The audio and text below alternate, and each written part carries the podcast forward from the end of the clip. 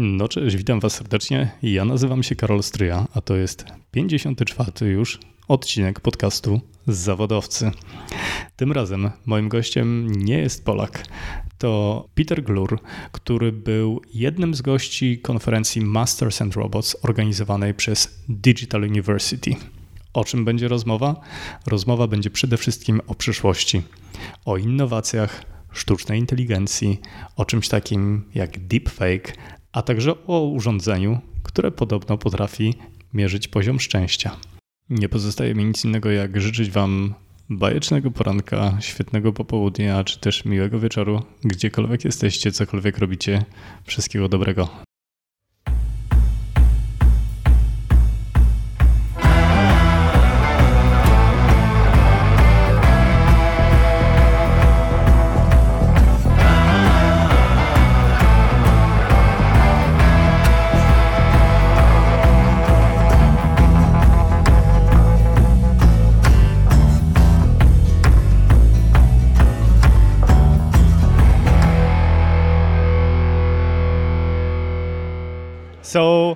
Peter, thank you very much. Welcome to Poland, first of all. Thank you very much, Coro, for inviting me. How do you like Poland? What's your impression um, about our country? I always like to come here. I have been here now, I think, at least half a dozen times. And uh, that I come back so many times tells you that I really like it here. Great. Uh, Peter, could you please give us a five cents about who you are, what is your background, and what do you do? Um, I'm a research scientist at the MIT Center for Collective Intelligence. I started out as a mathematician. I did a PhD in computer science. I was for 10 years in industry uh, with uh, UBS, a big bank, and with Deloitte and PwC. And since 2002, I study how people communicate using computers to become more creative. Can you explain that? Yes, I look at communication archives I started with email archives, which I took from my time when I was a partner at Deloitte. I also looked at email archives from my time when I was a postdoc at the um, Advanced Networking Architecture Group at the MIT Lab for Computer Science. And I knew that there were creative activities, and I looked for the patterns of those, and that's how I discovered that they are what I call COINs or collaborative innovation networks and what kind of problem does it bring solution to? That's a really good question because innovation, as you know, there is very different types of innovation. And there is what I call incremental, um, highly intelligent and incrementally creative. And that's basically big research labs. They take and they refine. And then there is the disruptive things. Apple is disruptive. Elon Musk, Tesla is disruptive. And if you look at open source, it's the web it's Wikipedia, it's Linux, it's those big things. And that's the type of disruptive innovation that I'm studying. It really changes the world. Hopefully makes it a better place. I'm always trying to uh, describe uh, the world in the simplest way possible. Could you please try to explain me, just like a to six-year-old kid, what is a disruption and what is AI? Um, disruption is something that radically changes the way how we have been doing daily things before the smartphone, the car. Before, we were sitting on horses or in horse carriages to get from A to B, and then suddenly it was the car. And then there came the airplane, and each of those is disruption. And each disruption, you have people that hate change. You have the people that are um, um, putting horseshoes on, and they will say, "Oh, we will lose the job. It will be horrible." But the disruption actually gives them a much better job. They become car mechanics. And then disruption gives them a much better job because they can produce smartphones. And they can do podcasts and all sorts of creative knowledge economy type stuff. So disruption has initially a hurdle to overcome. And once it's there and it's accepted, people notice that actually it has made my life better. And how about the AI? AI is the same. It's basically honestly nothing new since 60 years and it's basically just simple rules. If the sun is shining then peter is happier. If it's raining he might be less happy. And if you combine all of those rules together it looks like magic. And you call it artificial intelligence. It's just a long list of if then else rules. Today, in the old days, uh, I give you an example: natural language processing. You looked at single words and how you translate them from uh, Polish to English and the other way around. Today we call it artificial intelligence, we call it deep learning. It basically means that we have trained our artificial brain, our computer, with um, all the texts in Polish and in English and how they map. And then it looks like magic. And you have a tool like DeepL, if you know that, it's a really great translation tool. And it basically has been trained with millions and millions. Those are called tensors, by the way, because Initially, you had the simple if then else rule, and now you have. Now I'm getting I'm way beyond the six year old, um, those very um, uh, long documents with billions of words that you compare against each other. I'm really fascinated how the technology develops, how quickly it develops right now. Uh, you're working on the uh, a significant device, a Yeah. happy meter. Yes.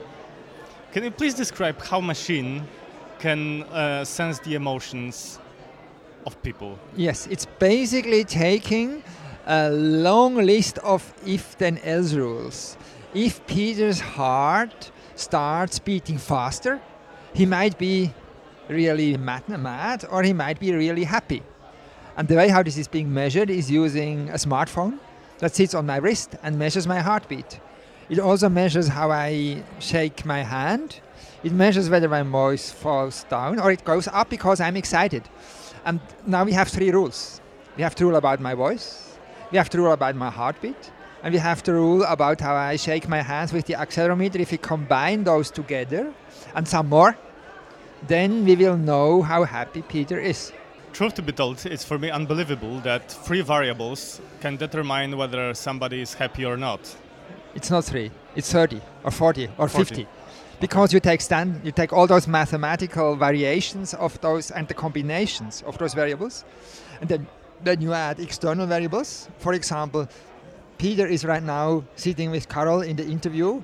Does he make him happy or unhappy? We don't know, but it's a factor, and so it's being trained. I just did an experiment where 30 people were wearing the watch, and then I was curious to see whether I could predict what I'm going to do in the next 10 minutes based on the last two days, and the answer is yes. So if you have enough of those inputs, thousands, we are like robots. We are very predictable.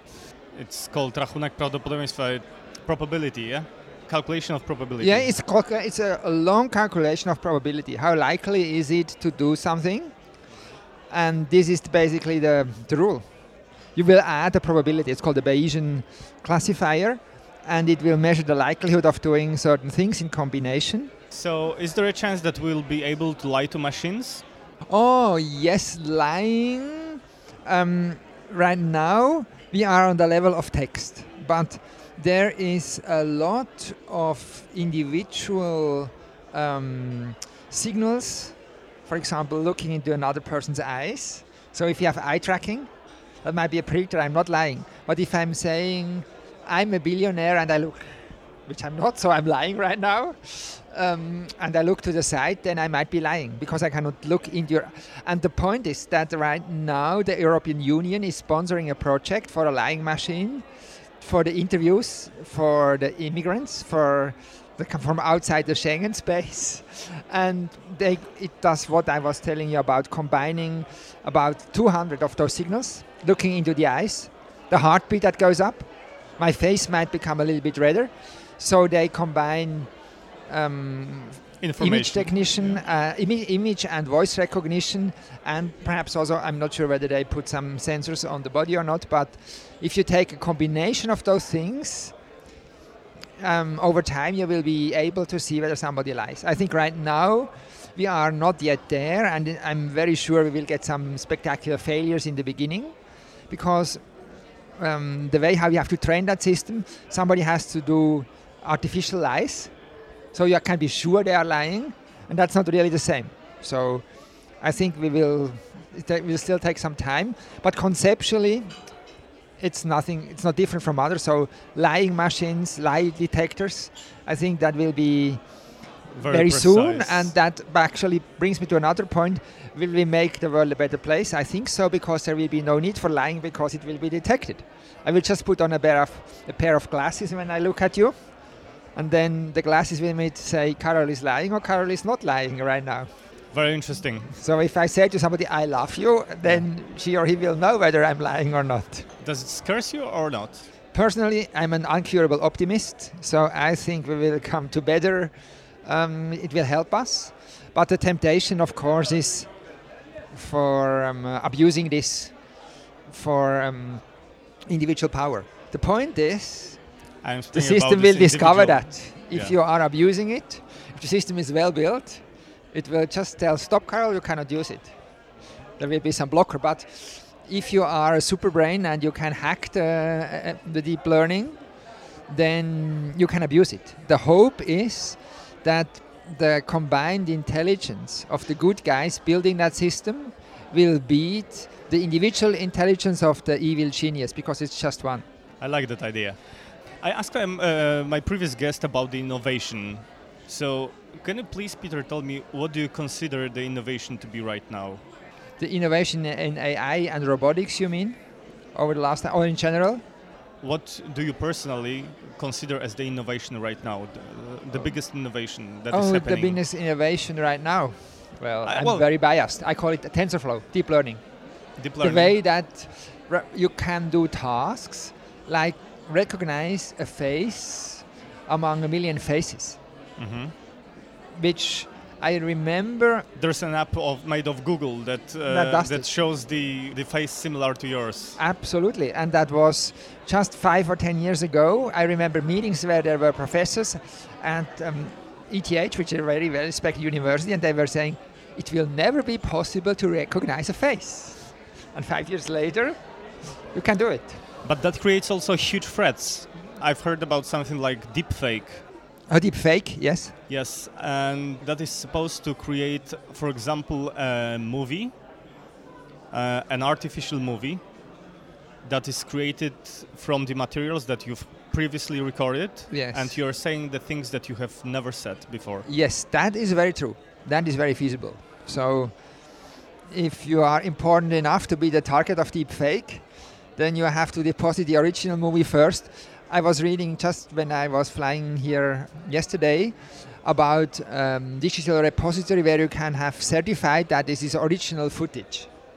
So you would need such a thing, which of course is a huge pain if you have to do that constantly. But um, that's I mean, whenever deepfake is obviously the bad guys, if you are not just doing it for fun, and that's sadly, if you go back for thousands of years, whenever you have a good invention, some bad guy comes and tries to turn it upside down, and then that's why we need policemen and lawyers. Otherwise, we wouldn't need them. Yeah, and the rules. Yeah. Sure. If you can imagine the world in 5, 10, or 15 years, right now, Well, there will be many things, and one of the things which, just uh, listening to the last discussion, where we had a guy with artificial limbs, and then the the discussion was, how will a future for people like him be? And I- cyborgs. yes, and I think it will actually be growing back the limbs, which I think is much nicer than having the most genius artificial limb. How do you think uh, will we replace our limbs into uh, another ones? It will be bioengineering. That means it's like a salamander. If you cut um, off the leg of a salamander, it will grow back. And if we have figured out the, geno- the genome sequencing or whatever, the, the magic, the bioengineering magic to grow those things back Oh, you mean naturally? naturally. And that's what is um, some of my colleagues at MIT are doing right now. They are growing artificial hearts or livers, or if a finger is cut off, then how can you grow? They cannot back, grow back an entire arm yet. And I was also reading, the discussion was about exoskeletons. If I'm quadriplegic, I don't want an exoskeleton. I want my spinal cord to grow back together. And it seems we are getting there. And I think this is much more fascinating than any artificial robot that you can talk of. I've recently read a book, uh, Homo De- Deus. Do you think that? by Harari? Yes, exactly. Yeah. And wh- what's your point of view of that? Will we become immortal? I think it will be feasible. We might even want that. But then we can have to stop having children because otherwise we really need the spaceships of Elon Musk to uh, spread out. It will be overcrowded. You've, you've said you are very optimistic, and I can see that. And are there any things that you are afraid of? Um, in the small scale, I'm afraid of that I will get too close to one of those evil geniuses, and so I'm just incremental damage. I mean, that's one of the things. It's just like the terrorists. You hope you are never there when there is one, but those are some of the things. One thing which, of course, worries me in the large scale is the global warming, and I don't know whether we will be um, smart enough to deal with that, or whether the next species will be some cockroaches or some ants that uh, will grow intelligence and that will be able to better cope with heat. I mean, if that's the, this thing about um, Cambrian explosion, and then there comes the Permian extinction. Whenever and right now, humanity is having a Cambrian explosion because if you look at the number of individuals that we have, it's in the last 50 to 100 years it has been spiking, and so is there an extinction event around the corner or not? That's the question. But I cannot change it, and so sure. I, am not letting worry me. I am personally very uh, involved in the voice space, meaning that uh, the interface that we are using in communicate, uh, communicating with machines is changing yes. from the physical keyboard to the keyboard that you can see on the uh, telephone screen or the smartphone mm-hmm. screen. How do you think the interface will change? There will be no interface the computer reads my mind. And that means I think 20 years from now, right now we both speak English with the Polish accent, English with the Swiss German accent. Well, there will be we will just connect our brains and the thoughts will be there directly. With a device? Yes, of course we need an inter- Babelfish. If you have read The Hitchhiker's Guide to the Galaxy, famous science fiction story, where there is a little device that you slip into your ear and then you can basically it will translate everything automatically and i think it will go even farther because it will read what i'm thinking just like um, uh, stephen hawking was controlling his mouse with his brain we can control babelfish with our brain and then we speak with each other sure i was just about to ask you about the movies or books that you think that are very accurate about you know foreseeing the future well in your personal opinion. Yes, yes, absolutely. I think we are all doing a great job in foreseeing the past, which basically means when we predict the outcome of some elections or the gold price and so on, we identify a pattern using very complex statistics, and then we hope that that pattern will be true in the future. And then there comes the black swan if you have read that book by Nassim Taleb. So I'm, I'm trying to predict the future knowing that there will always be some black swans. And if you look at those great movies, there is some people that are extremely right. Personally, I'm a big fan of the Asimov stories um, with the three laws of robotics that were mentioned today. And also, my motivation 18 years ago to study what I'm doing was psychohistory, which is basically if you have large groups of people and their communication patterns, you can predict um, a thousand years into the future. That's what Asimov was describing. And the point is, we can do day trading prediction, but we cannot predict how the oil price will be a, uh, um, a year from now because um, the Saudi Arabian crown prince will kill Mr. Khashoggi, and that might trigger some big war, and then the price will total have big fluctuations, and that's thing nobody could predict for now. If everybody would wear my happy meter and you would have thousands of signals per person, if we had enough signals, I think we could predict it. But I'm not sure we will ever get there. Do you believe in God? Um, I believe in some big thing, and whether it's God, whether it's the collective intelligence of all creatures, it's the cosmos together, I mean, it's um, the awareness of humanity, the awareness of everybody, and we call that God. And um, I, I certainly believe in the stories of the uh, of the New Testament about how you should treat each other. And in that sense, the church gives us some great rules, but some of the conventional teachings of You mean Catholic churches? And- yeah, and Catholic, yeah, okay. and I was brought up Protestant in Switzerland. Mhm. Um, but uh, do you need? Um, uh, do you think the the, the religion is a good or bad thing? Well, it's as, as always, it can be good and it can be bad. The intent is wonderful, and if you have a single powerful person that abuses it for bad, by having excuse, God told me to invade Iraq, which is what George Bush said at one time, then that's not good. That's abusing religion. But if you take religion as a guideline of how you should treat your neighbor, I'm all for it. Um, may I ask you uh, how old are you? Um, 57. Uh, if you had an opportunity to speak to you, uh, to you as a 20 years old guy, Oh, that would be impossible. I was very abrasive, aggressive. I thought I was the smartest kid in the block. I was impossible. so uh, what, what do you tell it yourself as an advice? Um, stop being so precocious and arrogant, and listen to others. I think I was far too arrogant a long time ago. I mean, today for me, How it's it three simple things. Um, by being beaten up many times from others that told me, you might be smart, but you are an asshole. Mhm. Stop it. I think today for me it's three things. It's basically humility, which is the most important one. It's curiosity. Never stop curiosity. And the last one is empathy. And if you follow those three principles, I think, I'm a huge fan of empathy.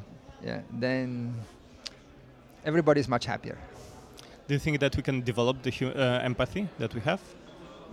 There is, I think so, by role models, for example. How we can do it? By role models, Mhm. and I mean even people that like Steve Jobs that had um, the reputation of being really arrogant assholes. If you got close to them sometimes they were really empathic. He was um, helping some secretary who was having big personal problems. And i mean he didn't get any credit for doing those sort of things but um, he still did it. So uh, and sometimes storytelling can be really powerful. And this has nothing to do with high tech. Now, of course, we measure empathy and those sort of things with the happy meter. And if we agree that being empathic, being curious, being humble, and I think the hardest part is being humble. Because of ego. Yeah, we have the big egos. Yeah. Everybody likes to have power and glory. Uh, is there any way we can easily manage our ego?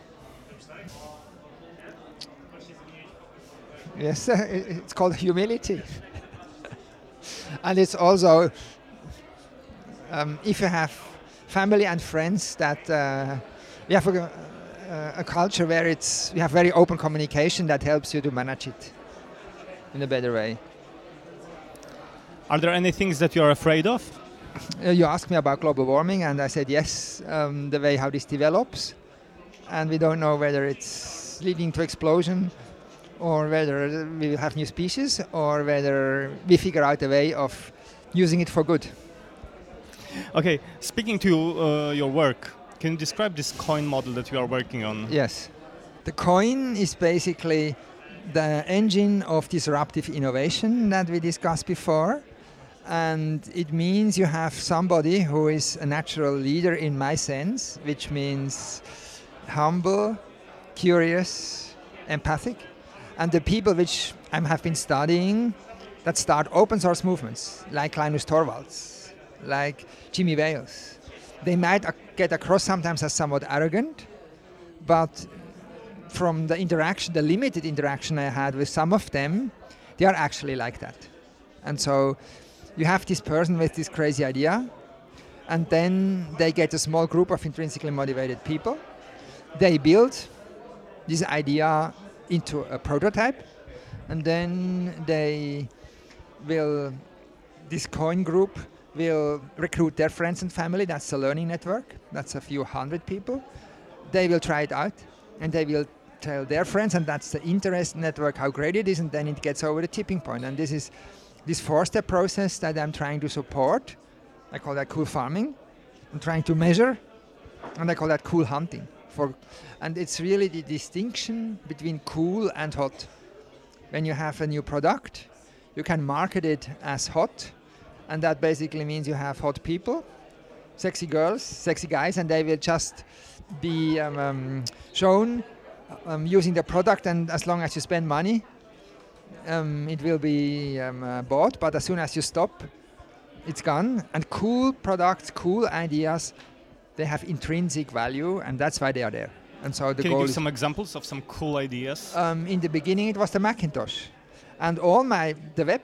The web is a cool idea. In the beginning there was no billions, no mi- nobody had any money, but it was Tim Berners-Lee had a vision, and he recruited my boss David Clark, and both of them saw this is cool and not hot, and so they they went to Michael Dertouzos, who was the director.